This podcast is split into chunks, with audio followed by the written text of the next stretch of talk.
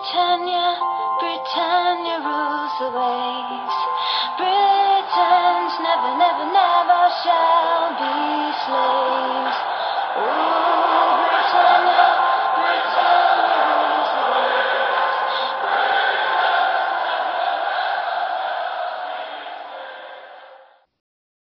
Hej och välkomna till avsnitt 244 utav Svenska FPL-podden.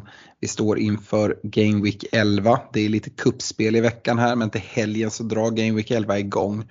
Vi spelar in idag tisdag den 31 oktober och agendan för dagens avsnitt är att vi ska spana in lite i våra byggen. Vi ska som vanligt prata veckans punkter och just den här veckan så fokuserar vi lite på formationer. 3-5-2 jämfört med 3-4-3 och vilken formation är det egentligen som känns hetast just nu.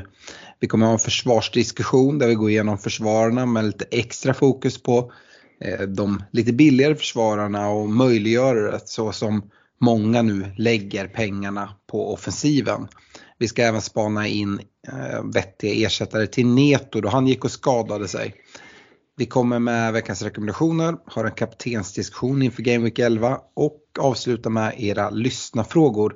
Och eh, eh, jag som kämpar med rösten heter Alex. Eh, ett fantastiskt härligt Glenn-event här i helgen. Stefan, du hade så kul så att du stannar kvar en extra dag i Göteborg. Så blev det ja, så blev det. Eh, det, var, det var trevligt. Ja, nej, men som alltid är det ju oerhört trevligt att träffa många av er lyssnare, eh, hänga och bara ha riktigt, riktigt kul. Men det sliter ju på, på både stämband och hälsa. Hur, hur är läget med dig Fredrik? Ja, men jag är väl den som mår, eh, mår bäst utav oss så. Det kan ju bero på att eh, när ni försvann ut där i Göteborgsnatten efter hade vi varit igång i 12-13 timmar så, så eh, såg jag till att packa ihop och, och, fick några timmars fler sömn och det är väl det som gör att jag ändå liksom, ja, har någon form av röst i, i liksom behållning. Men eh, jag kan bara instämma i att det var ett oerhört trevligt event och väldigt roligt att se så många eh, kända ansikten, så många nya ansikten och eh, men, eh, det är ju, alltså, det kan ju inte bli trevligare än att bara träffa massa likasinnade, kolla fotboll, snacka FBL. Eh, det var, man kände sig att man var på rätt ställe helt klart. Ja, det enda som kunde vara lite, lite härligare än, än just det som du nämnde Fredrik, det, det är ju att glida vidare sen till, till bakfickan. Eller vad säger du Stefan? Det var ju ruggig musik och vi, vi gjorde, gjorde ju om bakfickan till Free Greyhounds i London ungefär. Ja, jag tror att vi lyckades ganska bra med, med just den aspekten. Sen, sen de här rökkanonerna som de hade, det kanske inte var underverk för våra röster och stå och liksom inandas det där i, i flera timmar. Eh, men eh, nej, riktigt, eh, riktigt härligt ställe om man, om man är ett gäng, stort gäng som är ute efter och bra musik och dans. Ja, du tyckte det var så bra så du gick dit sen på söndagen igen hörde jag. Så, så kan det ha varit. Så kan det, ha varit. det berodde inte på att det fanns någon jacka och sånt kvar som, som glömdes kvar eller så? Nej, det vet jag ingenting om. Kan vi bara, när vi ändå slår ett slag för liksom Glenn-eventet, bara pusha lite för att se till att bli Patreon och kunna få ta del av olika videos från, från, från natten där. Eh, Patreon.com svenska FBL, du stöttar oss med 25, 35 eller 50 kronor. Eh, är med i vår Patreon-liga, Messenger-tråd, får förtur till att boka ja, med Glenn-eventet och, och, andra sådana eh, saker och är med i massa utlottningar. Eh, ja Fredrik, eh, det finns lite smaskig info eh, där från eh, sena, sen lördag natt. Ja det är ju det liksom. Jag, jag eh, postade det att jag var väldigt själv på hotellfrukosten dagen efter men eh, ni, ni, hade ju täckt upp med vad ni hade gjort på, på, på natten där. Det var, det var kul att få ta del av. Det tror jag att det var fler eh, än jag som, som tyckte. Så att absolut, det finns alltid bra content i, eh, i våra messenger-trådar.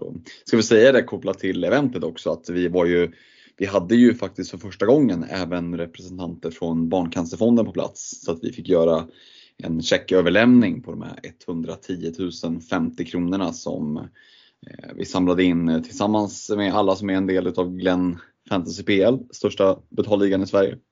Eh, så det var ju oerhört roligt eh, att kunna göra det och verkligen uppmärksamma ja, men, den inte bara goda utan livsviktiga sak som, som Barncancerfonden ändå är och att vi i allt det här liksom, ja, men väldigt lättsamma hänget också kan göra någonting bra. Det tycker jag att ja, men alla som lyssnar på det här och är med i Glenligan Hör du det här och du vet att jag är med i Glenligan, då kan du klappa dig själv på axeln och känna att jag har varit med och gjort någonting riktigt bra. Och, eh, det finns massor med bilder på vår Facebook-sida, inte från kanske från, från just eh, kvällen, de håller vi till Messenger-tråden för Patreons. Men, men eh, från eventet på Glenn Sportsbar så finns det massor med bilder som man kan gå in och kika på.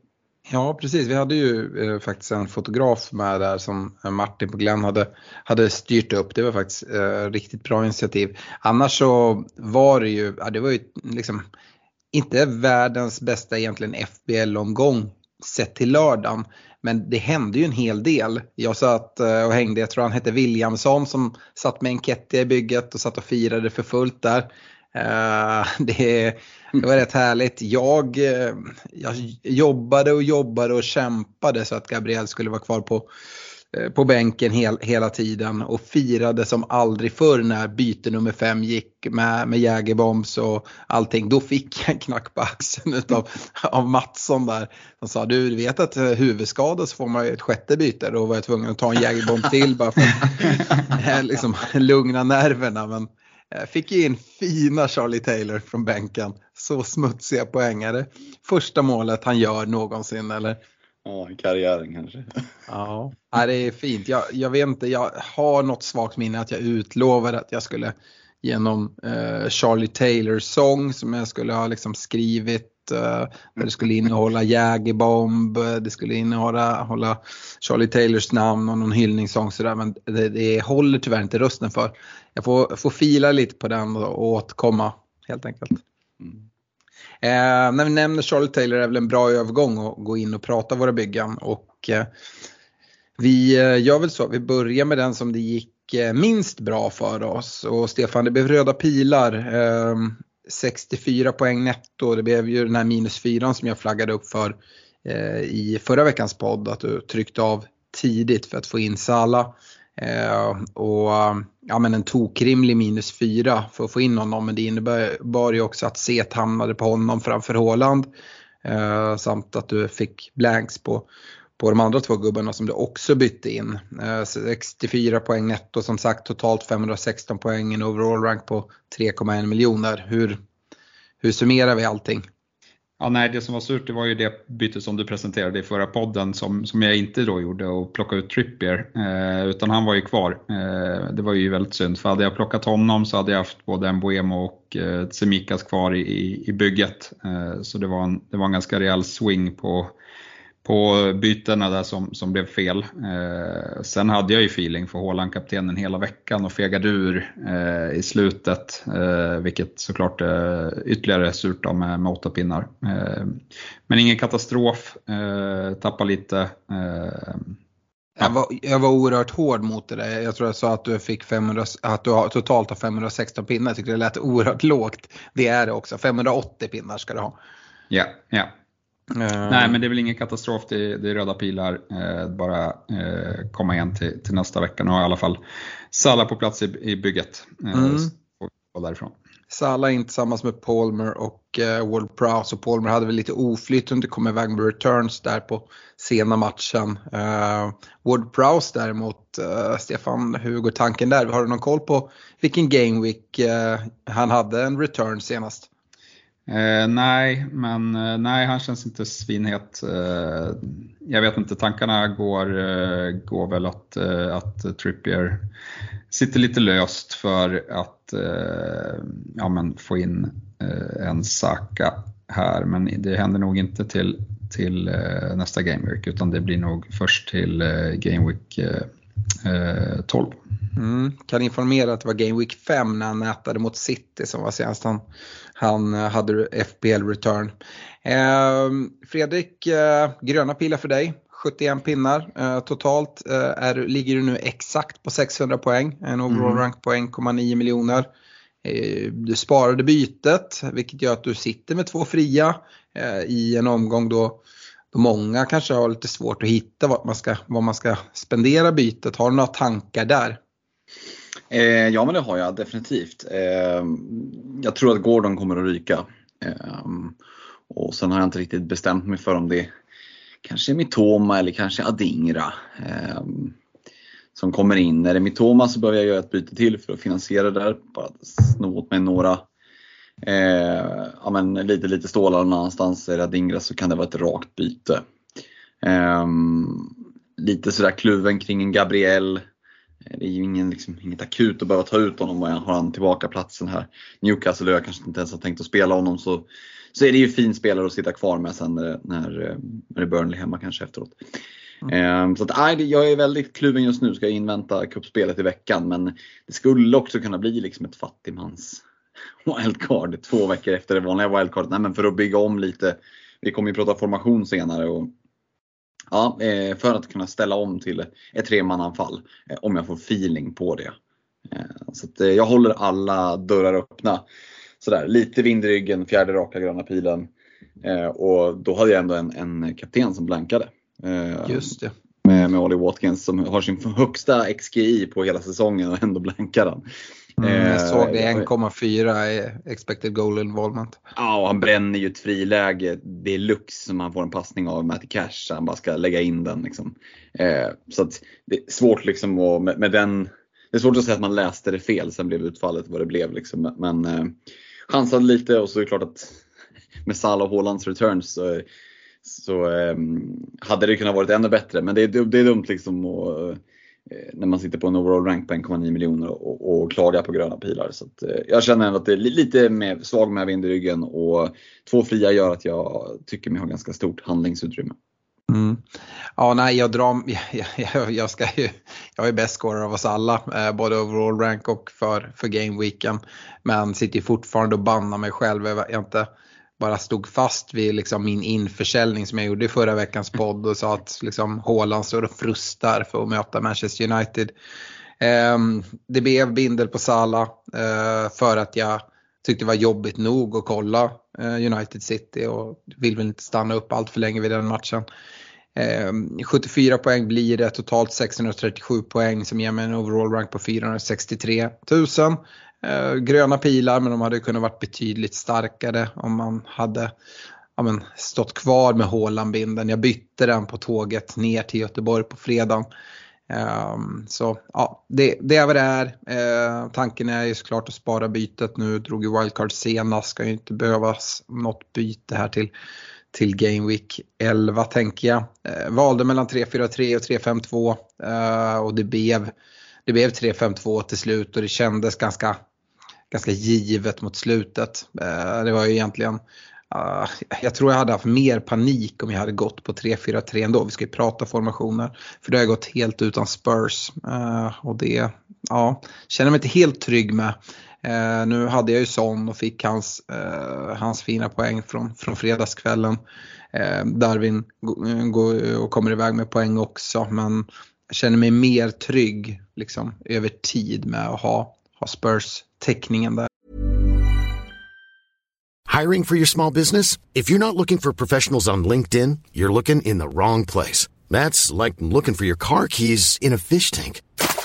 LinkedIn helps you hire professionals you can't find anywhere else, even those who aren't actively searching for a new job but might be open to the perfect role. In a given month, over 70% of LinkedIn users don't even visit other leading job sites. So start looking in the right place. With LinkedIn, you can hire professionals like a professional. Post your free job on linkedin.com slash people today. Sen, eh, sen får man ju Gabriel bänken, eh, rotation, eh, säger Arteta. Och vill väl vill väl hoppas och tro att det ska vara det, att det inte börjar om nu. Det känns, det känns ju inte som det var i början av säsongen när han lite kastade om kopplat till formationen. Nu var det Kivior som bara, bara kom in och tog den platsen. Så jag, jag vill tro att eh, vi kommer se en Gabriel tillbaka mot Newcastle och Stefan det är ju du som är Arsenal-supporter men visst känns det som att vi kommer få se Gabriel tillbaka redan eh, nu till helgen.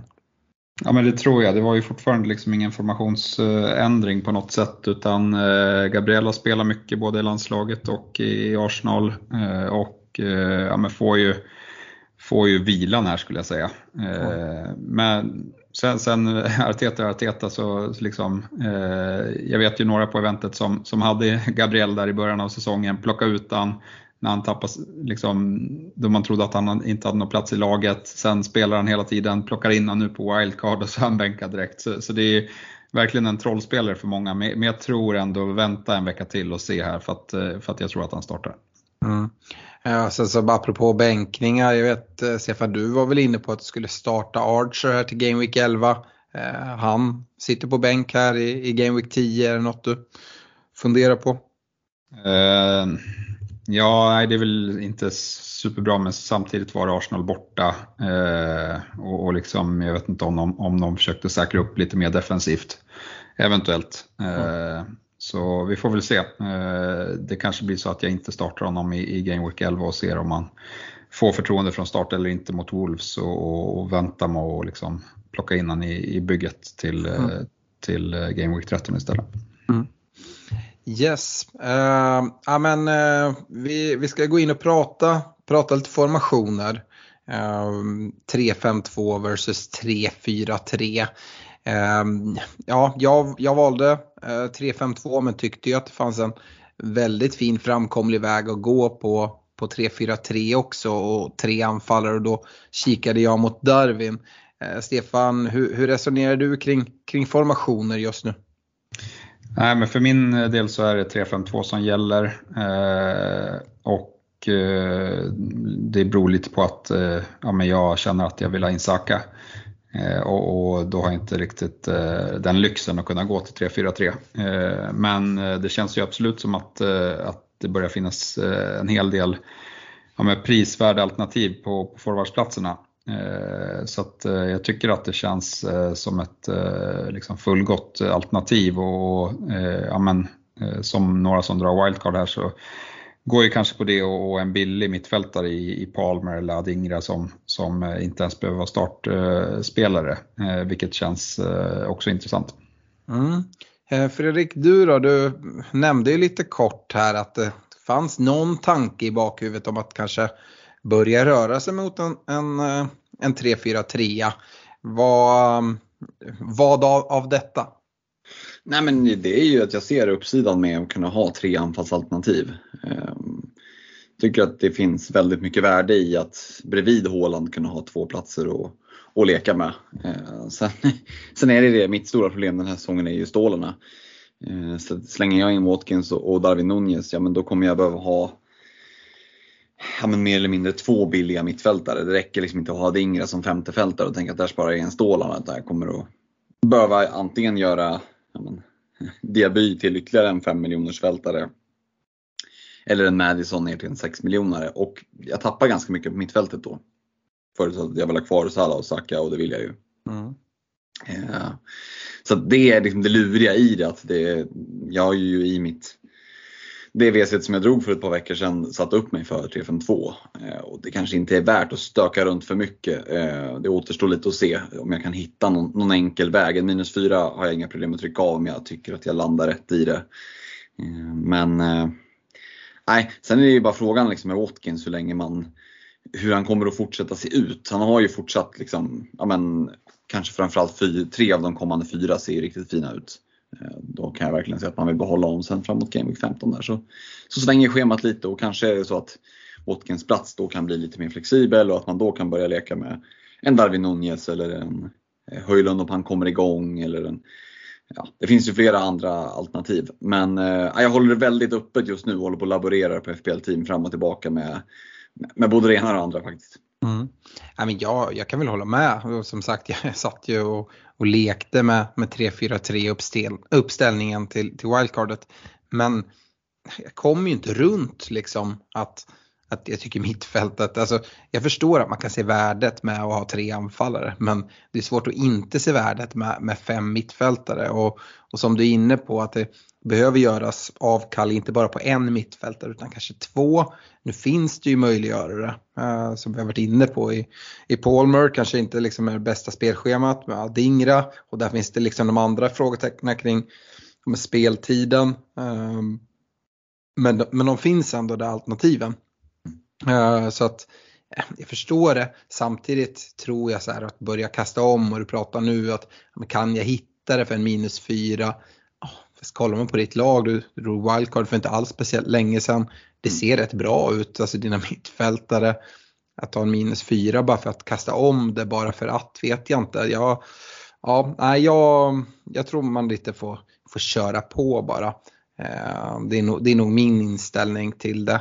Och, och som jag var inne på, det är, det är lättare att, att fly ifrån eh, någon mittfältare till någon annan än, än på anfallssidan ändå tycker jag, även om vi har, har ett par gubbar där på anfallet som man kan, man kan gå mot. Eh, och eh, Kanske framförallt om man går på dubbla, eh, liksom riktigt billiga mittfältare. Att, ja, ska man fly från, från någon av dem, ja då, då börjar det bli lite tufft. Mm. Nej men visst är det så. Och eh, anfallare, ja men det är Archer som har varit den givna startspelaren. Nu fick han bänk senast. I övrigt är det ju ganska klent i budgetsegmentet på anfallet. Så det är liksom en Morris för 5,5, en Enketia som hur länge får han hålla sin plats? Och sen är det upp till även Ferguson på 6,0. Eh, och det är ju knapp budget, snarare liksom lower mid price. Så att det, det, utbudet är ju bredare på mittfältet helt klart. Mm. Och, och, just att uh, Archer är där tycker jag är liksom ytterligare en sån där grej egentligen som talar för 3-5-2. För att det, du, det räcker ju att du har två, två okej okay mm. försvarsavbytare. Um, uh, så jag tycker inte man behöver tänka att ja, men nu om då Archer tappar sin startplats och kanske får förlita sig på lite mer inhopp framöver. Vi får väl se hur det blir det är inte hela världen riktigt. Eh, känner jag i alla fall. Ehm, men det är väl, jag vet inte om det är för att jag just nu bara liksom går på mål efter Charlie Taylors kassa. Men um, uh, nej, så, så resonerar jag kring, kring formationerna i alla fall. Jag, jag tror um, jag landade rätt ändå. Och så får vi se, Darwin Nunez, det här är ju liksom oerhört tråkigt nu. Jag vet inte Fredrik, om du har någon upp, uppdatering, men hans plats känns väl som att den blev men, ännu lite givnare nu kopplat till eh, Luis Diaz. Han är väl hemma i, i Colombia om jag har förstått det rätt efter den här eh, kidnappningssituationen kring hans föräldrar. Ja precis, hans, för er som inte har, er som har lyckats missa det då, så färdades hans föräldrar i en bil i Colombia, blev stoppade av en motorcykel, blev kidnappade eh, och sen så har eh, colombiansk specialpolis lyckats frita hans mamma men i talande stund så ska pappan fortfarande vara kidnappad och ja, de rapporter som har kommit egentligen är väldigt få. Så det är ju att han är väldigt tagen av det här, Luis Diaz, och har, precis som du säger, har eh, flugit till eh, Colombia och nu vet vi inte vad utgången av det här blir men egentligen oavsett så tror jag att det kan dröja innan han är tillbaka i en startelva. Eh, så att Nej, och såklart oerhört tungt. Eh, jag eh, läste det här på, på söndag morgon när vi vaknade upp efter eventet och det var, det var mycket sjuka uppgifter. Liksom det var Matthew Perry, vänner, hade dött. Det var en svensk som hade dött i amerikanska hockeyn, fått halsen avskuren av skridsko och så Luis Diaz eh, föräldrar var kidnappade. Smått surrealistiskt. Eh, men eh, ja, du är inne på det, vad betyder det för FPL? Ja, Darwin Nunez plats blir ännu mer given därför att eh, Jota kan kan spela ut på kanten. Eh, Gakpo visserligen på väg tillbaka men så som Darwin Nunez ser ut nu så är han det självklara alternativet. Speciellt i matcher där, där Liverpool är eh, liksom klar favorit och där man vill ha mer tryck. Så att, eh, för den som har gått på Nunez så, så, tycker jag att det är ett eh, kanonalternativ. För den som har möjlighet att kliva dit så är det ett kanonalternativ. Och, och hela den här tragiska historien med, med Dias föräldrar. Alltså, det, det känns ju så det känns så fel att börja koppla det till FPL men någonstans är det det vi ska foka på. Har det liksom en effekt om att Dias plats blir än mer given? Ja, det har det. Mm. Och det är väl, det är väl liksom Game Week 13 som är efter, efter landslagsuppehållet som då, då City ska mötas. Att om, om Klopp kommer föredra en pressspelare som dessutom inte har varit borta i Sydamerika och spelat och Gakpo är mm. tillbaka. Att det är Gakpo som tar den platsen. Mm. Uh, å andra sidan kanske inte hela världen att att inte ha Darwin Nunez i ditt FBL-bygge när de möter City. Och så hoppas att han är tillbaka sen till Game Week 14 fram när spelschemat är betydligt bättre också. Men det är väl någonting att väga in ändå om man inte har honom nu och ska ta in honom. Att, men hur ser ditt lag ut för Game Week 13? För går det helt att räkna med att Darwin Nunez kommer starta då? Nej, det skulle jag inte säga att det gör. Um, så det, det, kan man väl ha med sig. Mm, verkligen. Eh, pratar vi 3-4-3 är det liksom Haaland, Watkins, Nunez som liksom är det då självklart givna eh, tremannaanfallet. Eh, en Julian Alvarez i City till exempel eller, eller någon annan. Kan det vara något att liksom kolla mot i, i, en, ett tremannaanfall? Vad säger du Stefan? Eh, ja men absolut, det, det känns väl som, eller så mina forwards förutom Haaland tycker jag är Alvarez, Watkins och, och Darwin Nunez. Eh, jag vet inte med, alltså så här, Enketia satt ju nu men, men eh, jag har inte hört riktigt, eh, hur, liksom, det finns väl inga jättebra uppgifter om hur, hur länge Jesus blir borta. Eh, så, så att eh, liksom, risken är väl att, eh, att man går dit och så att det inte blir så, så eh, många veckors utdelning där. Nej. Ja, nej, det är väl, det är väl, det är väl de, de andra känns hetare på, på sikt tycker jag. Mm. Går vi vidare, uh, kollar på försvararna så, uh, men, jag har varit inne på det tidigare, jag tycker att det är lite svårt att hitta så här, kanon försvarsspelare här framåt och många kollar mot att ha de mesta pengarna investerade i, i de offensiva platserna.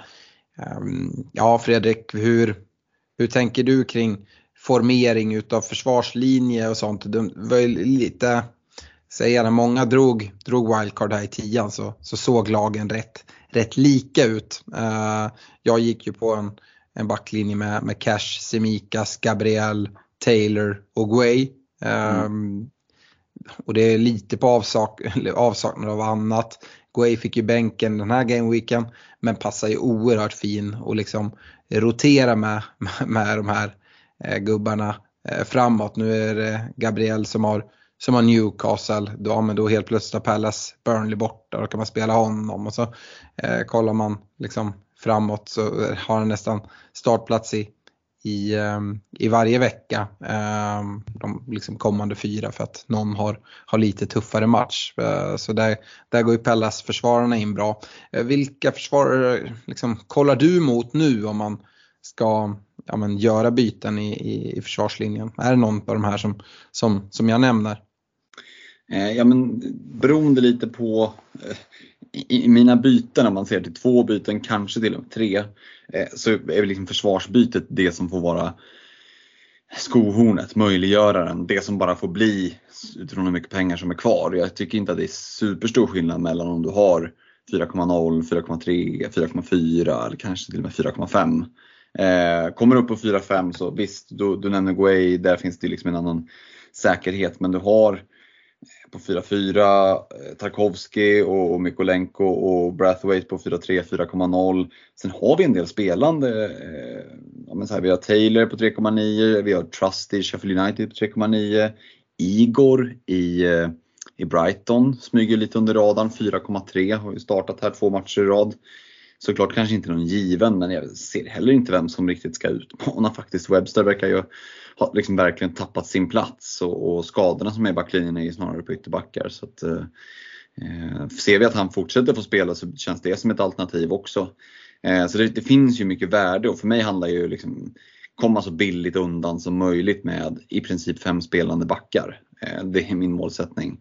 Eh, Semikas hade väl gått upp till 4-6 nu men är ju fortfarande ett, ett bra alternativ eftersom Robertson är borta ett bra tag. Um, så att nej, så billigt som möjligt och det finns väl egentligen bara en back som sticker ut som jag ens har någon slags tanke på.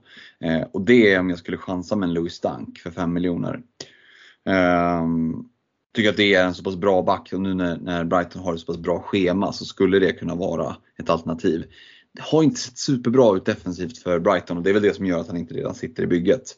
Ehm, men eh, dels offensivt hot och dels så har man väldigt fina matcher nu. Men ehm, ja, vi såg en fin match senast här nu och det gick ju sådär med den nollan så att ja, vi får se. Huvudspåret är nog ändå eh, så billigt som möjligt eh, och fem spelande backar. Mm. Du nämner Dank där, Estupinian var det ju många som kikade mot, gick och skadade sig, är väl på väg tillbaka.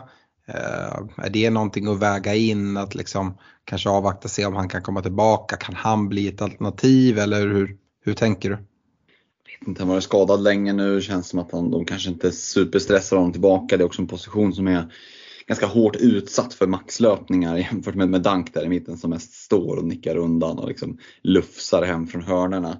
Så att, ja, jag tror på Estopignan, jag ser att han är tillbaka och spelar 80 plus. Eh, och, ja, nu ska man aldrig säga aldrig, men det känns som att det skulle kunna ta ett tag. Um, man, De Serbi inte vill liksom chansa med honom tillbaka.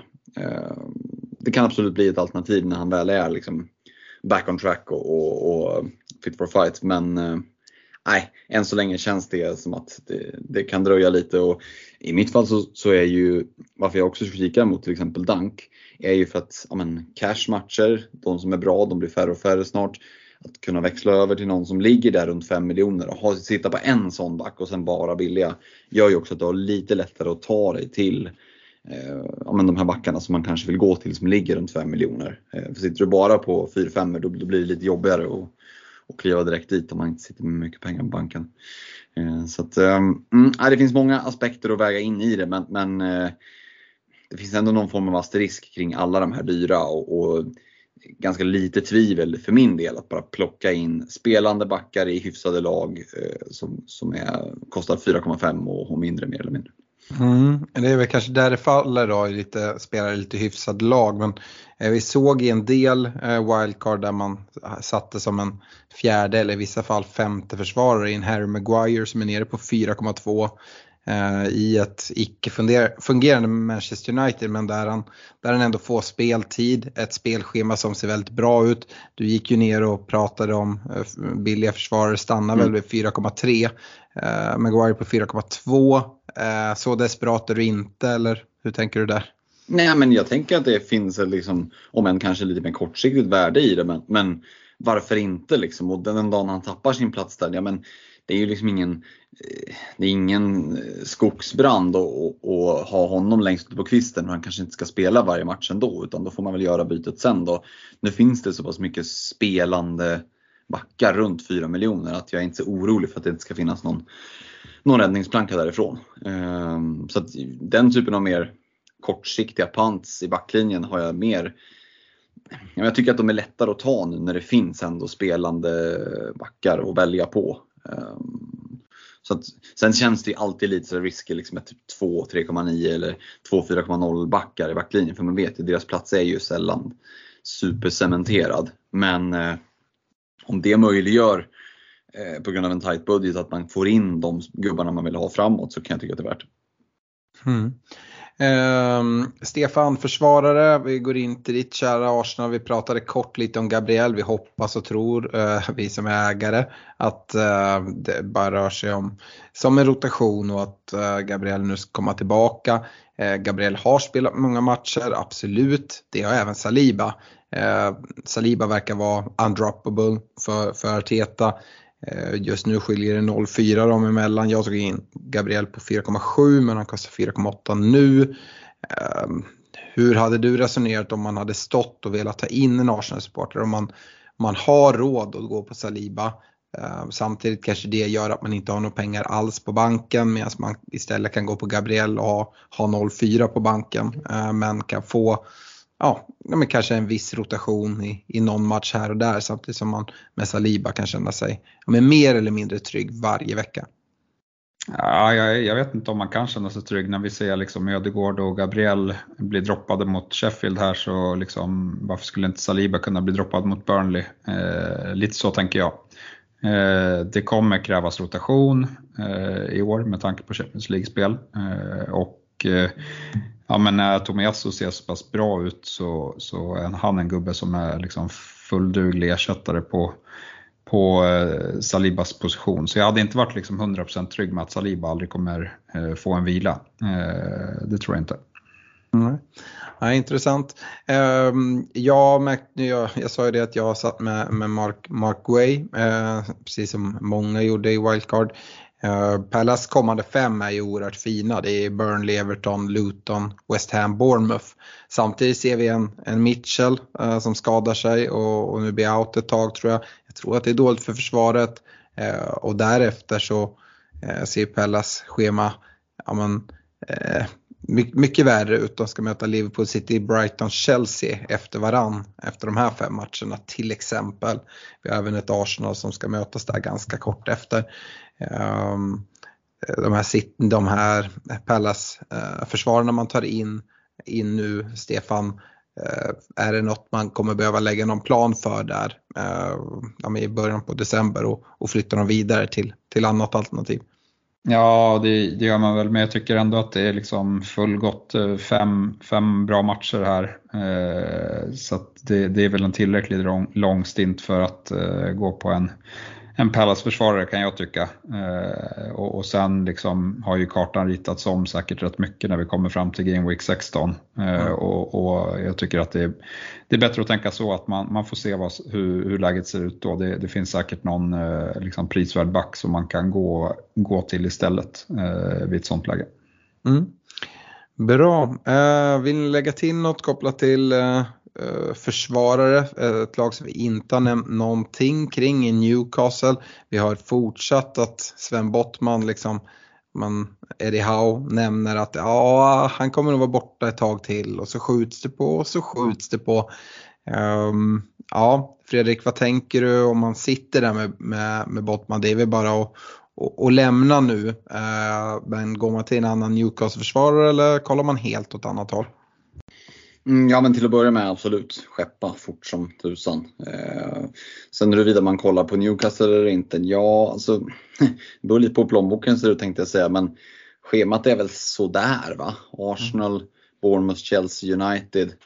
Ah, sådär. Sen är det ju intressant, vi ska ju notera när vi har nämnt massa billiga att Jamal Lasells, lagkapten är han väl, eh, när han är, åtminstone när han inte är ute och och, och, och hamnar i slagsmål på stan. Eh, kostar väl 4,0 nu. Eh, och ja, har ju fått spela 90 minuter, fyra raka matcher här. Eh, sen tror jag att Bottman tar tillbaka platsen när han väl är tillbaka men då är vi där igen. Då ska han komma tillbaka också. Har han varit borta så här länge kommer han förmodligen att matchas in lite mjukare. Liksom. Så att, eh, eh ytterligare en, en just i dagsläget i alla fall, spelande 4,0 eh, back. Men eh, hade jag lämnat Bottman, vad får man från honom? 4,6 idag. Ja, då kan jag ändå se andra alternativ. Jag, jag kan tycka att det är då ett ganska tacksamt läge att kliva från Newcastle-defensiven. Tycker inte det finns någon, någon jättestor anledning att, att hålla sig fast vid, vid det, just det laget. Nej. Nej, för mig är det ju så alltså, jag är precis dragit wildcard därför tycker jag sitter bra på de försvarare jag har. Jag har en, en Pallas-försvarare, jag har Semika som jag tycker är klockren. Eh, Gabriel med Arsenal-täckning, eh, Cash i, i Villa.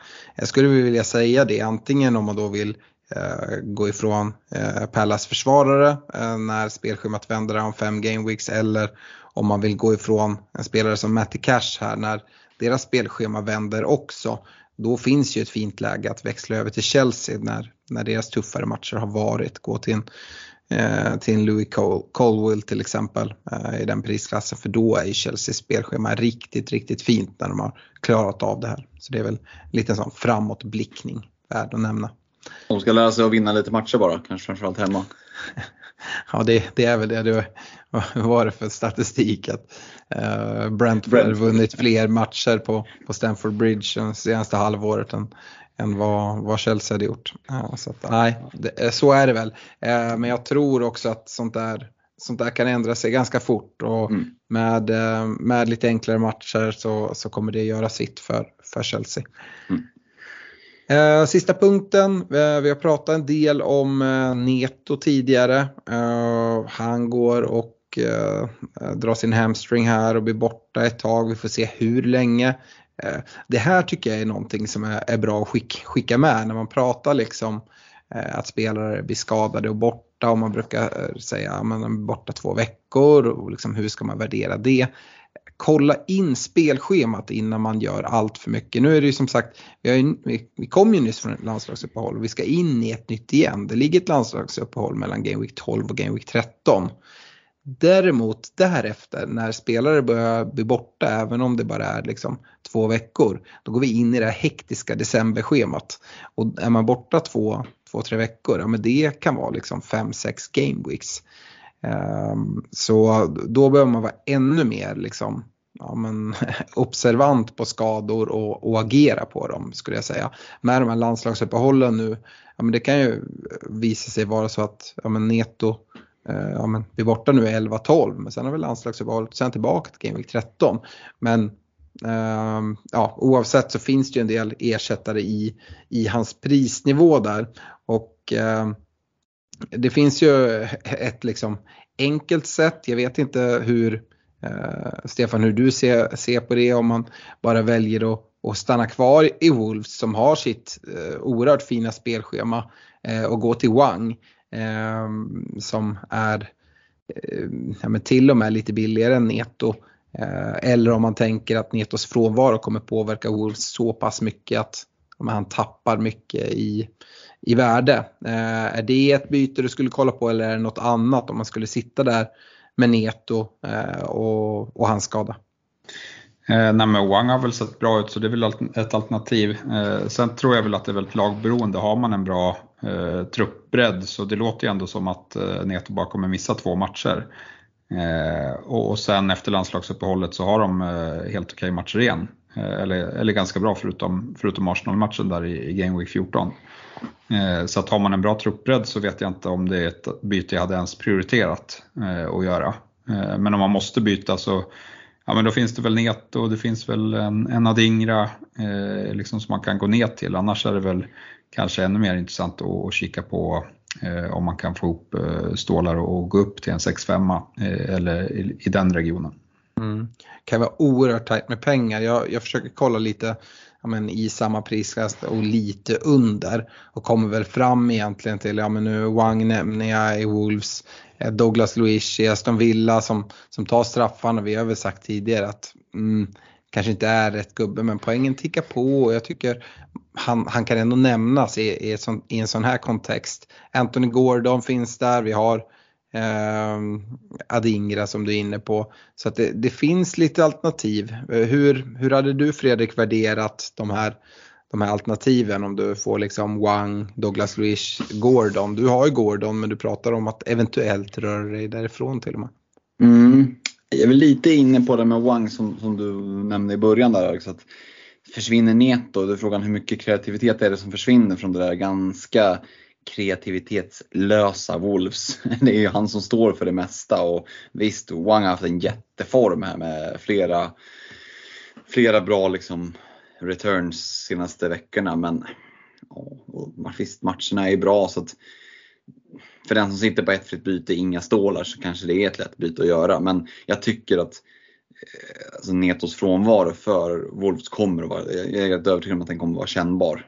Ehm, han drar också på sig väldigt mycket liksom, uppmärksamhet från motståndarlagets försvar och när han inte finns där, nej, men då, då, då har de mer liksom, utrymme och tid över till att hålla koll på en sån som Wang. Um, så jag hade kanske, jag hade nog gjort bytet ändå för man vet aldrig med Neto och visst det kanske är bara två gameweeks och så kommer ett landslagsuppehåll men nej, jag, jag tycker att det är Eh, det kan vara värt att, prioritera ett byte och det finns spelare, nämnden Cole Palmer, har ju en Conor Gallagher som springer runt med kaptensbindeln i Chelsea också nu om man hellre vill gå dit också. Billy på 5,4 har ju också en ganska fin position. Nu är, spelschemat ser liksom blodrött ut när man tittar i, men, men eh, alltså Spurs, Brighton, ja alltså det, det är ändå matcher där, där Chelsea, Chelsea är ju så, de är ju sånt där lag som kan göra mål mot vilket lag som helst. Sen kommer de kanske inte vinna alla de tuffa matcherna men, men mål kan de absolut göra. Mm. Um, så det är svårt tycker jag att ranka dem men, men uh, jag vet inte om du hade med Ingra där igen. Det är väl han som, som kommer först och det är väl också mycket tack vare spelschemat ändå att uh, det ser så oerhört fint ut för Brighton. Så att, uh, för mig är det ett ganska enkelt byte. Skadad Neto mot en Adingra, du får loss vadå 0,8. Ja, för mig är det en no-brainer. Mm. Jag ska säga det också, jag, jag skickade ju ut Douglas Luiz där du valde att inte ens ta han i, i din mun där Fredrik. Men, men, det ska man även känna till om man väljer att gå dit. Uh, jag tycker inte att det är felaktigt på något sätt. Men han står ju på fyra gula också och är ett gult ifrån från avstängning. Uh, och det, som sagt, man kan ändå gå dit men man ska känna till det så man inte bara står där och uh, blir lite förvånad. Det kan vara värt att gå in och kolla lite hur många gula Eh, en, en skubbe står på. För mig liksom, jag, jag väljer inte bort en spelare för att han står på eh, typ tre gula. Men är det på fyra gula, ja då vill jag gärna ha någon tanke eh, som ska vara lite längre för, för den här spelaren och även se att ja, men, räk, då får man räkna med en avstängning liksom, med vilken match som helst. Eh, så att eh, ja, det är ju många som börjar närma sig uppåt där. Väl, vi har en hel drös som står på tre, tre gula. Mm. På fyra gula kort kan vi bara nämna det kort. Jag nämnde Douglas Luiz, även hans lagkamrat Luka Ding står på fyra. Vi har Bruno Fernandes i United står på fyra. Och det är väl men, de största liksom, FPL Eh, ägandeskapen vi, vi har tror jag. McAllister i, i Liverpool står på fyra men det är inte så många som sitter på honom tänker jag. Ehm, bra. Eh, vi ska rikta ett stort tack till våra partners. Eh, såklart Glenn Sportsbar. Eh, stort tack för, för i helgen. Eh, jag vet att jag talar för många av våra lyssnare som var på plats att eh, alla hade det väldigt trevligt. Eh, på plats i lokalen hade vi även Olof från, från Nakata som som sålde, eh, sålde en del. Eh, jättekul, gå in, kika, det kommer en del nya, eh, nya tryck på, på tröjor från, från Nakata. Eh, reducering.se var, var med, drog igång eh, SM i, i eh, andelsspel. Eh, och Reducering-SM? Ja precis, hur, hur, hur gick det för dig i starten här Fredrik? Hur mycket pengar blev det? Ja, nej, men jag låg där, hade hugg på 13 och ta mig, så smet ju Stefan om mig på, på open stretch tänkte jag säga på, eh, på innerspåret och snodde åt sig en 12 så att han eh, är ju med där. Nu är det ju inte antal rätt som vi räknar i reduceringen utan det är ju inspelade pengar och ah, det var väl de som, jag tror att det var en, två, tre, fyra, fem stycken som, som satte 13 som är med i, i SM hittills och det gav väl runt 38 000 ungefär sammanlagt. Mm. Så ja, för Stefans del så, så var det väl tusenlappen 1500 beroende lite på hur, hur tecknen var fördelade och hur man hade missat på, på, på den matchen man, man missade helt enkelt. Men eh, ja, eh, roligt att vara igång och jättekul att ha eh, reduceringsgänget på, på plats i lokalen. Det var många såg som, som fick eh, de här liksom, första instruktionerna till eh, Eh, ja, men till ja, men den reducerade världen. Eh, och det är ju roligt att fler och fler upptäcker att hur, hur stor fördel man kan ha av att bara börja pilla lite i kanten, bara reducera lite grann. Man behöver ju inte gå all in liksom som geniet Oskar Block och jobba 90-procentiga reduceringar. Dit kanske man tar sig liksom förr eller senare, men bara det här att gå in och lägga en 64 raders och reducera bort de 14 sämsta raderna. Så lägger du 50 spänn istället. Det är ju faktiskt en no-brainer att göra och börjar skala upp det lite grann, då kan du ganska snabbt spara. Eh, ja, men, dumt att lägga pengar i onödan. Så att, eh, nej, jätteroligt och helgens eh, omgång här som kommer är ju, jag vet inte om du Stefan har kikat någonting på raden, men det är ju en dundersvår rad så att det, det bäddar ju för fin utdelning till helgen som kommer. Hiring for your small business? If you're not looking for professionals on LinkedIn, you're looking in the wrong place. That's like looking for your car keys in a fish tank.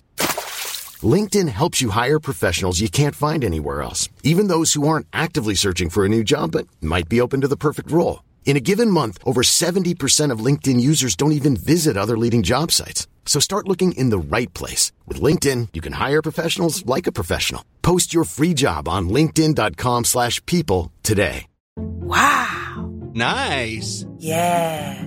What you're hearing are the sounds of people everywhere putting on Bombas socks, underwear, and t-shirts made from absurdly soft materials that feel like plush clouds.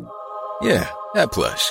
And the best part? For every item you purchase, Bombas donates another to someone facing homelessness. Bombas, big comfort for everyone. Go to bombas.com slash ACAST and use code ACAST for 20% off your first purchase. That's bombas.com slash ACAST, code ACAST. Härligt. Ja, nej, jag har inte hunnit kika så mycket men, men eh, det, det ska bli kul. Eh, mm. nu, nu har jag ju liksom 13 förra och 12 den här så att, eh, det, det, känns så, som att ja, men formen är, är liksom, man får passa på nu när man har lite, lite mer flytt där. så.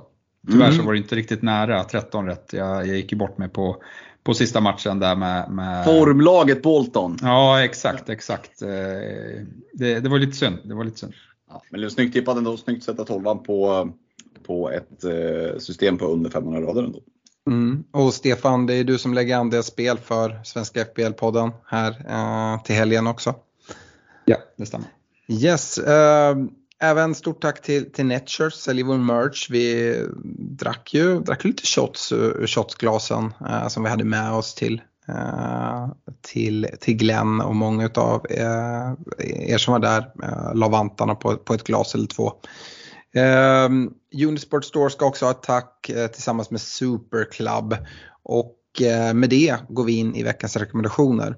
Och vi har ju pratat försvarare en hel del Fredrik. Men eh, förra veckan rekade du Semikas, Cash, Gabriel. Ser du någon anledning att ändra här efter att Gabriel fick syn av bänken? Ja, men det, det tycker jag väl ändå att det är på sin plats att eh, se över. Eh, och vi vet ju inte, var det där en, en bänkning och han är tillbaka eller eh, ja, hur, hur var det egentligen? Det, det, jag tycker att den osäkerheten gör väl att jag hade inte plockat in Gabriel om jag inte hade suttit på honom nu. Eh, Semikas får ju sitta kvar, det kanske är den allra mest givna eh, försvarsreken av dem alla. Eh, och kommer att få sällskap av eh, en som sitter i ditt bygge Alex och det är Guay. Eh, lite som Stefan var inne på också att fem matcher, fem fina matcher det är ja, men, i min värld fullgott liksom tillräckligt för att vara, för att vara ett bra schema. Eh, så att eh, Semikas Guay och sen så smyger jag in en Sofall. Eh, och visst, West, West Ham såg kanske inte super ut här i helgen. Men jag tycker att det redan nu här till, till helgen som kommer smyger igång ett ganska fint schema. Man möter Brentford borta, men Brentford har ju inte varit sådär kanonbra direkt.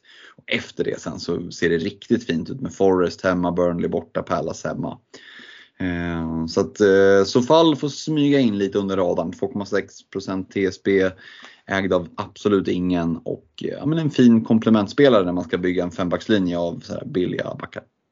Mm. Jag väljer att stand my ground. Eh, uh, stå kvar med mina tre rekar från förra veckan. Semikas, Trippier och Gabriel. Uh, Trippier, har man råd med honom. Nu kommer ju den här nollpoängen. Uh, men, uh, och det är man ju glad för som icke Trippier-ägare. Jag tycker inte att det är skäl till, till panik.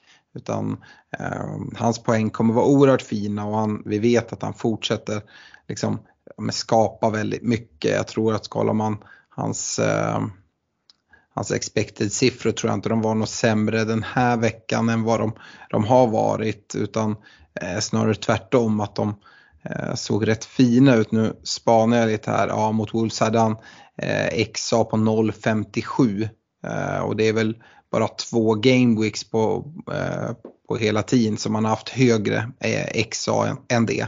Så att eh, nej, men där, där sitter man fortsatt bra tycker jag. Så att jag ser ingen anledning att eh, och ändra har man möjlighet att kliva dit, ja men det kan vara en fin, fin gubbe att sitta med. Eh, och Gabriel, ja men han får vara kvar. Jag, för eh, en gångs skull tycker jag man lite får lita på Arteta när han säger att det är en rotation. Eh, Stefan, har du tre försvarsrekar att ge oss?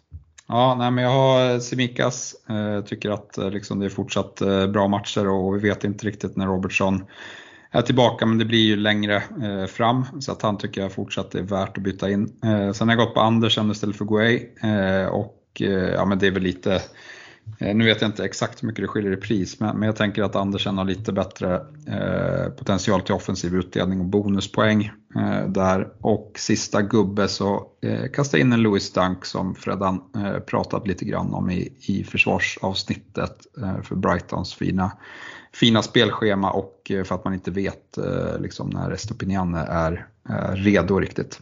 Mm. Ja, intressant att det går på Andersen. Det skiljer ändå 0,5 på honom och Ogway. Eh, jag har oerhört svårt att se liksom, exakt den uppsidan om vi kollar nu på, på fem game weeks tid eh, med de här lite bättre matcherna. Att Andersen verkligen ska göra skäl för de, de 0,5 eh, där.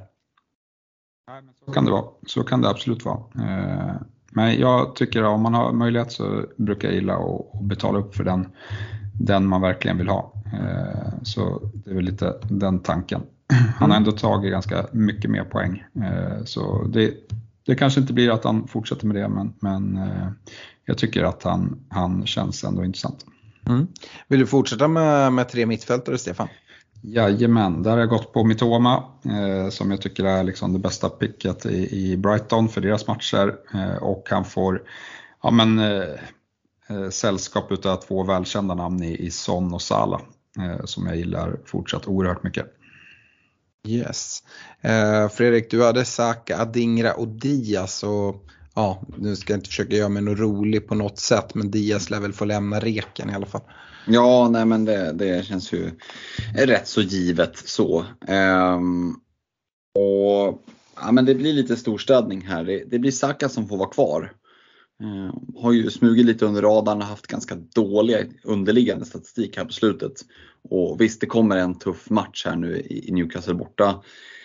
Eh, men sen så lättar det ju upp väldigt mycket och jag tycker ändå att det finns läge att börja röra sig mot Saka och har man möjlighet att få in honom så tycker jag liksom inte att ah, men det finns ingen anledning bara för att Newcastle borta. Visst, St. James Park är tufft och sådär men Arsenal är ett, ett bra lag och Saka kan mycket väl få, få return där. Så att Saka är kvar. Eh, däremot så, så väljer jag att plocka in Mittoma precis som Stefan hade. Tycker att det är ju, känns ändå som den eh, Brighton-mittfältare eh, med högst, eh, högsta nivå. Där, där kan det verkligen liksom smälla till. Så att Mitoma får också plats. Sen så tar jag ut Luis Diaz men han får ersättas av lagkamraten Dominic Soboslaj. Som, ja, har det gått 10 matcher har han varit bäst på plan i åtminstone hälften utav dem. Liverpools bästa spelare i kanske sju utav dem. Fick även nu liksom lite islossning här senast. Lite annan roll nu i matchen som var i helgen också. Kom ut lite mer på högerkanten eh, och kunde slå lite mer diagonalpassningar. Ehm, men är ju involverad i väldigt mycket som händer framåt. Har en ganska offensiv utgångsposition. Slår en hel del hörner. Tvekar inte att plocka en frispark från Trent då och då heller. Jag tycker Soboslaj är intressant. Riktigt så här differential-val.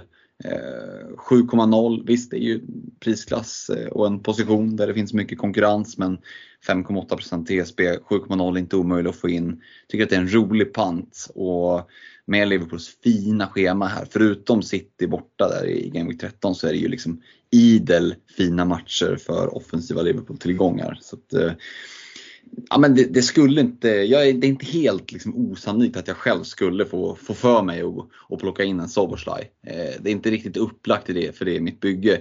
Men eh, jag gillar ändå tanken på att sitta med Soboslaj i bygget. Mm. Um, för egen del så ja, jag väljer att sitta kvar även på, på mittfältssidan precis som jag gjorde i försvaret. Jag hade Saka, Bowen och, och Mitoma förra veckan. Uh, Mitoma ja, vad ska man säga, han har fyra raka blanks nu.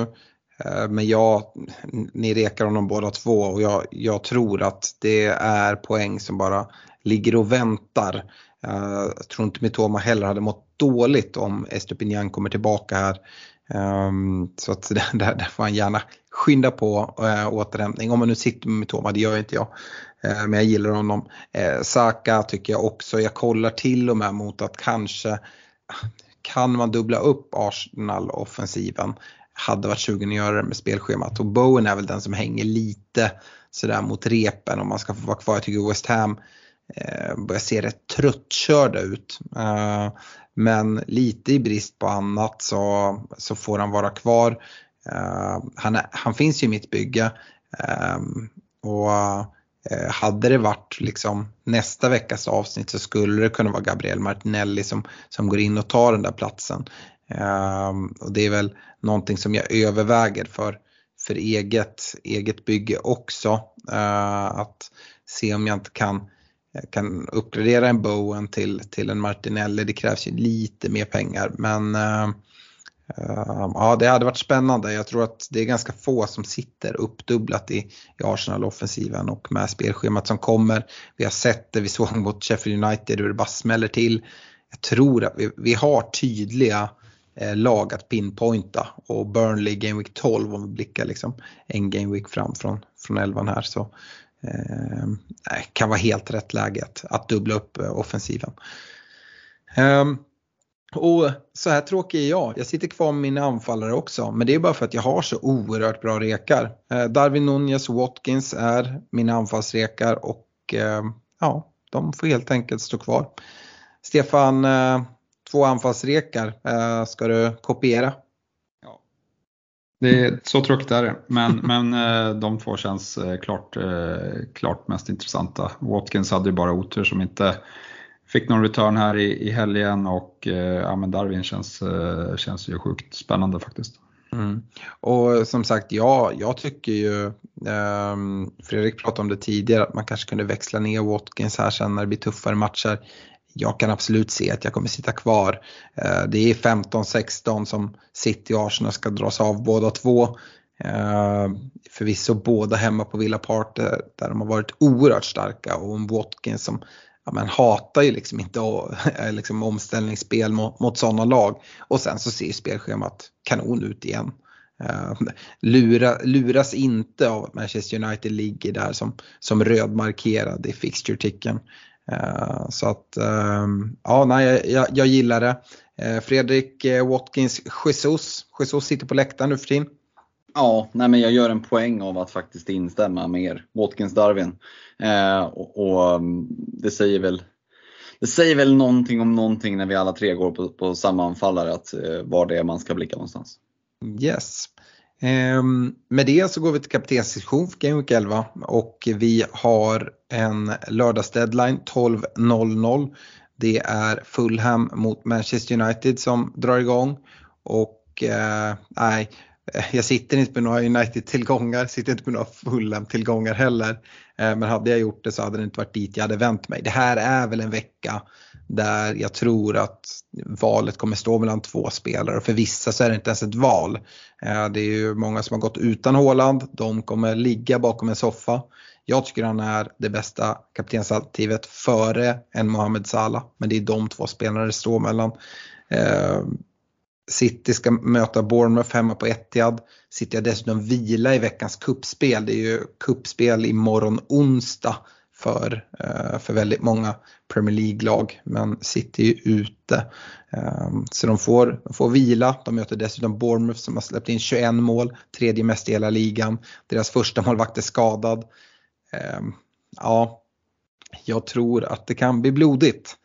Eh, samtidigt så, som sagt, de som har gått utan utan Haaland. Eh, de har ju hela tiden spanat mot att Salah ska möta Luton i, i Game Week 11 och det är ju ett, om inte fullgott alternativ så eh, det är väldigt tajt däremellan och, och Luton har haft lite svårt att eh, täppa till just på eh, liksom sin vänsterkant och liksom där Salah anfaller ifrån. Så att eh, äh, det är inte dåligt att sitta med Salah alltså med kaptensbindeln men för mig som har båda så känner jag mig mer trygg med att kommer sitta kvar med Haaland-binden hela vägen in till deadline den här gången. Hur eh, resonerar du Stefan? Ja, nej, men här står vi igen med två superbra eh, kaptensalternativ och det är ju liksom en, en slantsingling. Eh, så jag har väl lite känsla faktiskt för att, att det är Salah som kommer plocka flest poäng som kapten, men, men jag tror att jag kommer gå på Haaland ändå. Det, det, låter, det låter dumt med en sån känsla. Ja, jag vet. Nej, men det var ju lite samma förra veckan. Det kändes som att, att Salah hade den fina hemmamatchen och, och Haaland eh, liksom hade United och det kändes som att nu kommer det bli så att man alla plockar in Salah och kappar honom men det är Haaland som kommer med, med poängen. Och nu när man blir skrämd av Haaland då, då kanske det svingar tillbaka. Det är Salah som kommer, kommer göra poäng. Eh, men, men det är ju liksom bara eh, spekulationer. Jag tror båda, alltså båda är superbra alternativ. Eh, det är bara att gå på magkänsla. Mm. Fredrik, hur resonerar du om vi börjar med de här två? Ja, vi kan både börja och sluta med de här två. Jag tycker inte det finns några andra alternativ. Det finns väl inget, inget bygge som sitter utan båda två. Liksom, så att, eh, och, visst, det går att problematisera kring Håland med speltid och sådär, men du nämnde det, ingen kupp, inget kuppspel i veckan. Och, ja, låt säga att han bara får 65-70 minuter då. Jo, jo, men han hinner, han hinner uträtta rätt mycket på de där. Eh, såg till och med någon i, som, som var sugen på att trycka av en, en triple captain och, och eh, jag kommer inte göra jag kommer spara det, men, men jag kan ju förstå liksom, när Håland börjar komma in i den här formen, då, då kan det ju bara smälla. Eh, och, och, ja, gör han fyra mål, men det är ju ingen som kan säga att man är förvånad. Liksom. Och Bournemouth hemma, det är ju som ett, ett tacksamt byte. Alltså det, det är en giraff på tre ben och, och han är ett jävla lejon. Liksom. Så att, mm, nej, det, för mig är vinden på Håland. Det är klart att Salah är det givna valet för de sitter bara på honom. Eller har värsta feelingen för honom. Men nej, nu när folk har valt att kliva från Håland tycker jag det är ett utmärkt läge för oss som har honom att verkligen kliva dit och, och bindla och, och dubbla poängen. Eh, men eh, det ska bli väldigt spännande att se utfallet av de här två för det känns som att ja, det kan bli 20 poäng på den ena, blank på den andra och då, då, då, då kan det bli riktigt stora swings beroende på vem man har valt. Mm. Jag skulle väl vilja skjuta in det om vi kollar från Game Week 10 och kaptensbindeln. Jag var helt tiden inne på, på Håland, kom han iväg med, uh, blev det 2 plus 1 uh, och det skulle lika gärna kunna varit 4 plus 1. Mm. Uh, samtidigt som jag skulle vilja säga att Mohamed Salahs mål är en oerhörd tillfällighet och, och slumpmål. Jag vet inte om Turner hade, hade Salah i sitt eget bygge eh, och matchen redan var körd. Men det kändes lite så. Samtidigt är Salah inblandad på ett annat sätt. Men jag tycker, precis som jag varit inne på tidigare, att Salah är, han har väl hockeyassist till de, de två målen eh, som görs innan han själv får, får den här gratischansen. Uh, han är involverad väldigt mycket men känns mer framspelare än målskytt uh, just nu. Så att det väger också över för mig att bara bindla Håland den här veckan. Eh, och som du är inne på eh, Fredrik så vi fick in en lyssnarfråga från Fredrik Lindgren som var lite sugen på, på triple captainshipet. Eh, och ja, det är klart man kan trycka av det. Jag är väl fortsatt inne på det att det, det, det har inte presenterats double game week för, för City än. Eh, men det är ju väldigt mycket prat om det. Jag tycker det är konstigt om de inte skulle ta chansen att placera in eh, City Brentford eh, då vi vet att spar man den eh, allt för länge så att City kommer spela Europa mycket och att det liksom kan vara lite svårt att, att få in den. Eh, visst är det Game Week 20 det har pratats om och då har City redan Sheffield United hemma den veckan. Mm. Alltså, jag vet inte liksom, Sheffield United, Brentford i en dubbel då helt plötsligt kan, det, kan man ångra sig rätt mycket att man har tryckt av en eh, ett triple captainship eh, redan. Men ja, jag vet inte, vad säger du Stefan? Det, eh, Fredrik summerar alltid med triple captain, är, är väl ändå ett skit, eh, skitchip. ja, nej men eh, jag hade spart. Nu när det liksom finns eh, liksom ganska troliga eh, scenarier att de får en så fin dubbelvecka så, så varför inte spara? Bra, då är vi på samma blad där. Jag, jag tänker att vi håller det kort och kort. Vi hade ju så oerhört många alternativ inför för Game Week 10 men nu, eh, nu med 11 så, eh, så håller vi bara till de två helt enkelt. Eh, vi går istället över till lyssnarfrågorna och börjar med två lyssnarfrågor från, eh, från två grabbar som var med på eventet. Eh, dels eh, Patrik Ren som, som var med på, på, på poddresan här för två år sedan. Tackar för eventet så, såklart men han har två fria byten och har möjlighet att få in Sala om man offrar Saka. Är det värt att göra det nu? Eh, eller är det eh, att eh, liksom jaga föregående Game Weeks poäng? överväger wildcard i samband med nästa landslagsuppehåll och det är ju redan i Game Week 12. Hur hade du resonerat här Fredrik? Mm, ja, den är ju superklurig för det är klart att vi pratar om Håland, det gör man sig bakom soffan. Burnley hemma som du nämnde tidigare Alex, därför Arsenal i Game Week 12 och sitta, sitta utan Saka, det kan ju bli riktigt, riktigt jobbigt. Men eh, ja, samtidigt, eh, Salah har en fin match här nu, Luton borta, Brentford hemma, är ju en helt okej okay match också och, och, ser väl någonstans ändå en högre höjd i Salah. Salah känns mer som en given liksom, pusselbit så. Eh, men eh, Ja, det, det, jag skulle aldrig liksom helhjärtat kunna säga men det är bara att gå på Salah och liksom skippa, skippa Saka. Det, det, här måste man verkligen gå på egen målkänsla och vara medveten om att det kan slå väldigt fel ut. Men eh, tvingas jag välja så, så håller jag nog ändå Salah högre faktiskt än Saka. Mm, nu får vi ju bara ett ingångsvärde. Jag gissar att det även är en nedgradering på en annan mittfältare. Mm. Eh, eller nedgradering, alltså om man tar ut Saka, tar in Salah så behöver det vara någon annan mittfältare som ska ner eller någon annan spelare som ska ner och då ja, får man ju väga in liksom eh, hela, hela dubbelbytet i det. Um, Stefan Henrik Mattsson, han uh, undrar vilken duo vi tror tar flest poäng från men nu till Game Week 15. Lasells Mitoma eller Udogi Gordon?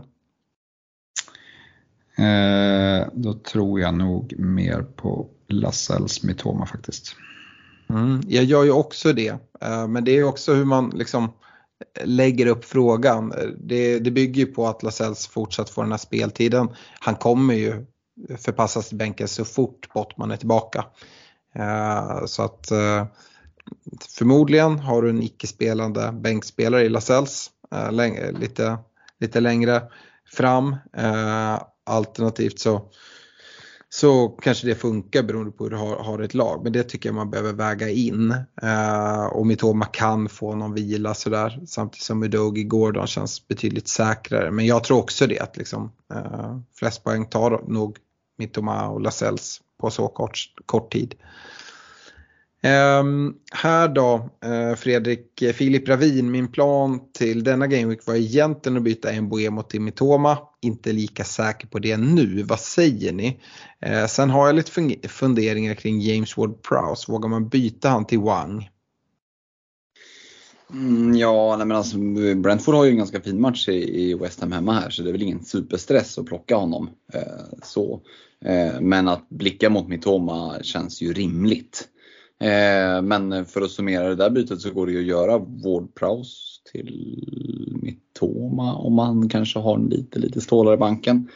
Eh, om man nu vill behålla en Boemo en vecka. Men nu kommer man iväg med returns. Där, men, men ja, West Ham hemma en fin match, Luton hemma fin match i 14 så är det två tunga i Liverpool och Arsenal däremellan. Tycker inte Mboemo är en spelare som man måste ha i bygget. och, och med tre riktigt fina matcher för Mitoma så, så kan jag ändå se bytet. Jag ser varför tanken fanns där från början och jag kan också se att man väljer att bara driva igenom det. Men eh, med då liksom lilla brasklappen att är man lite trött på Ward Prowse tycker jag att hans utgångsposition är alldeles för låg och har ja, men lite, lite stål av banken så kanske att det är han som ska bli Mitoma just nu till, till Game Week 11. Jag tror att det är väldigt många som kommer kolla på att ta in eh, Mbuemo eh, där. Du pratar Game 14 mot Luton. Mm. Eh, och då byten är värdefulla och allting sånt där. Eh, har man honom nu, är det värt att byta ut han till Game Week 11, West Ham hemma? Nej, det är det väl inte. Sen nämner du, det är tuffa matcher 12-13 mot Liverpool och Arsenal. Men det är två matcher och sen så om man då ändå har den planen, man kommer vilja plocka in honom då Ja, eh, jag vet inte. Ja, jag tycker att det är jäkligt lurigt. Jag, eh, jag tycker man behöver ställa sig frågan lite hur man tror tänker man att man går utan en Boemo för att ja, men de har dessutom en blank i 18 så att när de fina matcherna sen kommer att ja, men då, då, då, då, då får jag vara utan honom. Ja, men då kan man byta ut honom nu. Om man ändå då vill byta in ett 14, men då ska jag ta in Mittoma nu och sen hoppa på honom till 14 det tycker jag känns sådär. Eh, Mbuemo kommer vara en sån spelare, han är, kommer aldrig vara ett problem i ditt bygge och att du måste byta ut honom. Så länge han är hel och inte iväg på Afrikanska mästerskapen, eh, alltså så är det en, en mittfältare som är bra prisad, som tar fasta situationer, är på straffar. I de tuffare matcherna spelar han out of position som, som forward. Eh, spelar 90 minuter i stort sett varje match. Eh, så jag, jag, tycker inte att det är en problemspelare. Eh, sen som sagt, det är så här hur man väljer att spela det. Man kan jaga med, med att göra lite byten och göra lite fler byten. Då, då kan man ju gå till, till Mitoma till exempel. Men eh, jag tycker man sitter ganska bra med Mbuyoma ändå. Eh, Stefan, andra delen av frågan då, hans eh, fundering kring James Ward-Prowse, du som, som sitter med honom. Eh, han kollar på att göra honom till Wang eventuellt? Eh, ja, eh, ja för, för egen del så är han inget eh, liksom eh, är inget brinnande behov av att byta med tanke på att de fortsatt har väldigt bra matcher. Eh, men det är klart att han, han levererar inte, så har man, har man byten eh, till över så, så kan man väl absolut eh, plocka honom. Då hade jag plockat honom nu i sånt fall direkt. Annars om man inte plockar honom här då tror jag att eh, det hade varit, då får man nog igen två, tre matcher till eh, ändå. Eh, så, så går väl tankarna lite kring honom. Eh, mm. Men inget jätteprioriterat byte, men har man lyxen så, så, och kan få in någon vettig då, så, mm. så är, det, är det väl läge. Ja det är just det. Johan Colliander sitter med James Ward-Prowse och har bestämt sig att han ska ut och undrar vem man ska plocka in för 6,5 eller mindre. Han har redan det vy. Ja men 6,5 då hade det gått på Mitoma. Mm. om, man, om man har den möjligheten. Mm. Jonas Lundell då som eh, också undrar kring, kring Ward Prowse hur mycket tålamod man ska ha. Och det är väl ungefär samma som en Boemo va? Just kopplat till hans fasta situationer. att han kommer väl aldrig vara liksom den här superproblemspelaren. Han kommer fortsatt ta fasta situationer och det kan trilla in poäng. Det svåra med fasta situationer är ju att veta exakt när poängen kommer, eller hur? Ja men så är det. Så är det. Mm, bra. Eh, Fredrik, vi har eh, Johan Åberg som undrar om det är dags att skeppa både sina Spurs och Newcastle-spelare nu. Jag tänker att han funderar schema då. Ja, det är alltså, dags att skeppa Newcastle-spelarna. Alltså, det är två bra lag så på så sätt så är det väl inget liksom akut att börja skeppa dem. Däremot kanske det är så att du börjar blicka mot, mot andra spelare och vill få in dem. Eh, kan det vara läge att liksom se över sina Spurs backar till exempel för att växla ner dem lite? Ja, det, det kan det väl vara om man sitter med byten. Eh, och, och, dels kan få loss någon, lite, lite stålar extra som, som kan vara värda någonting och kliva ifrån. Um, Newcastle, jag pratar om Gordon till exempel, att kunna växla över honom till någon annan, men det är ju inget måste-byte så. Det, det, så jag tycker att det är två så pass bra lag att det är inga bränder och släcka utan det är, li, det är mer, lite mer lyxbyten man kan göra mm. eh, till, till, spelare som har ja, men ännu bättre matcher. Eh, men, men eh, jag har svårt att se liksom den här att man måste fly därifrån. Mm. Och, och, jag tycker att det överspelas lite, alltså spelschema både för, för Newcastle och Spurs. Precis som du säger, dels är det bra lag uh, och sen så spel, spelschemat, men Newcastle, alltså nu, nu är det Arsenal hemma i Game Week 11. Det, det är en tuff match. Jag ser inte att det på något sätt är en bedrövlig match för Newcastle där de inte har någon chans till, till poäng. Det gör jag inte. Men jag håller nog Arsenal som favoriter trots det på St. James's. Men det är knappa favoriter. Och sen så är det ju liksom bra matcher. Um, liksom, skulle man prata om det ja, men, när säsongen drar igång att det är liksom Chelsea och United hemma i 13-14 och Spurs borta i Game Week 16 och att de liksom kommer efter varandra sådär. Ja, då kanske man hade värderat det lite annorlunda. Men jag håller Newcastle som, som liksom, om jag håller Arsenal som knappa favoriter eh, på St. James' i Game Week 11 så håller jag Newcastle som favorit både i 13 och 14 mot Chelsea och United. Um, och så ska det mötas Bournemouth och det ska mötas Everton och Fulham och Luton och Forest. Och, så, att, så tufft schema tycker jag inte att det är. Uh, och det är, väl, det är väl lite samma med Spurs. Um, försvarare är en grej som du är inne på men jag tycker liksom att med Son och Madison, det är inga problemspelare. Man behöver inte kolla på att skicka dem. Det, det tycker jag verkligen inte. Eh, ja, Stefan Samuel Teglund, eh, ska Callum Wilson in nu när Isak är borta ett tag?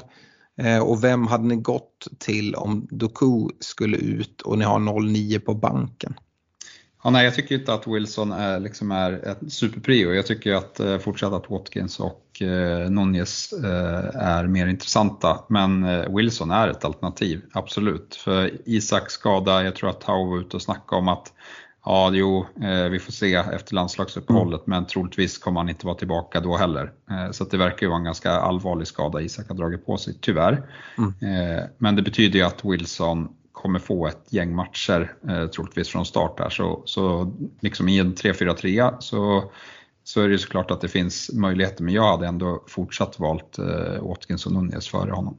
Mm, ja, jag håller med. Den andra delen av frågan var ju eh, Doku i eh, City som kostar 6-5, han har 0-9 på banken dessutom. Då har han ju alla de här alternativen som jag varit inne på, bland annat då Mittoma. Är det dit du hade väntat dig eller? Ja, nej, Doku känns inte alls eh, säker på, på platsen tycker jag för att eh, ha i, i, i bygget. Nej. Eh, Eh, Fredrik, vi har, vi har pratat eh, försvarare. Här vill Johan Krantz ha lite hjälp om vem man ska starta och vilka han ska bänka. det ska startas en av Gabriel, Taylor eller Maguire. Det måste väl vara fina Charlie Taylor ändå va? ja, det är väl där vi landar. Eh, det, det, är ju en, en rätt så bra match för Burnley hemma mot Pallas. Ett Pallas som har svårt att, och få någonting uträttat framåt så att, eh, jag utesluter inte ens att han kommer att spela i The Anfielders. Så att, eh, det får väl bli smutsiga, smutsiga Taylor. Härlig är han.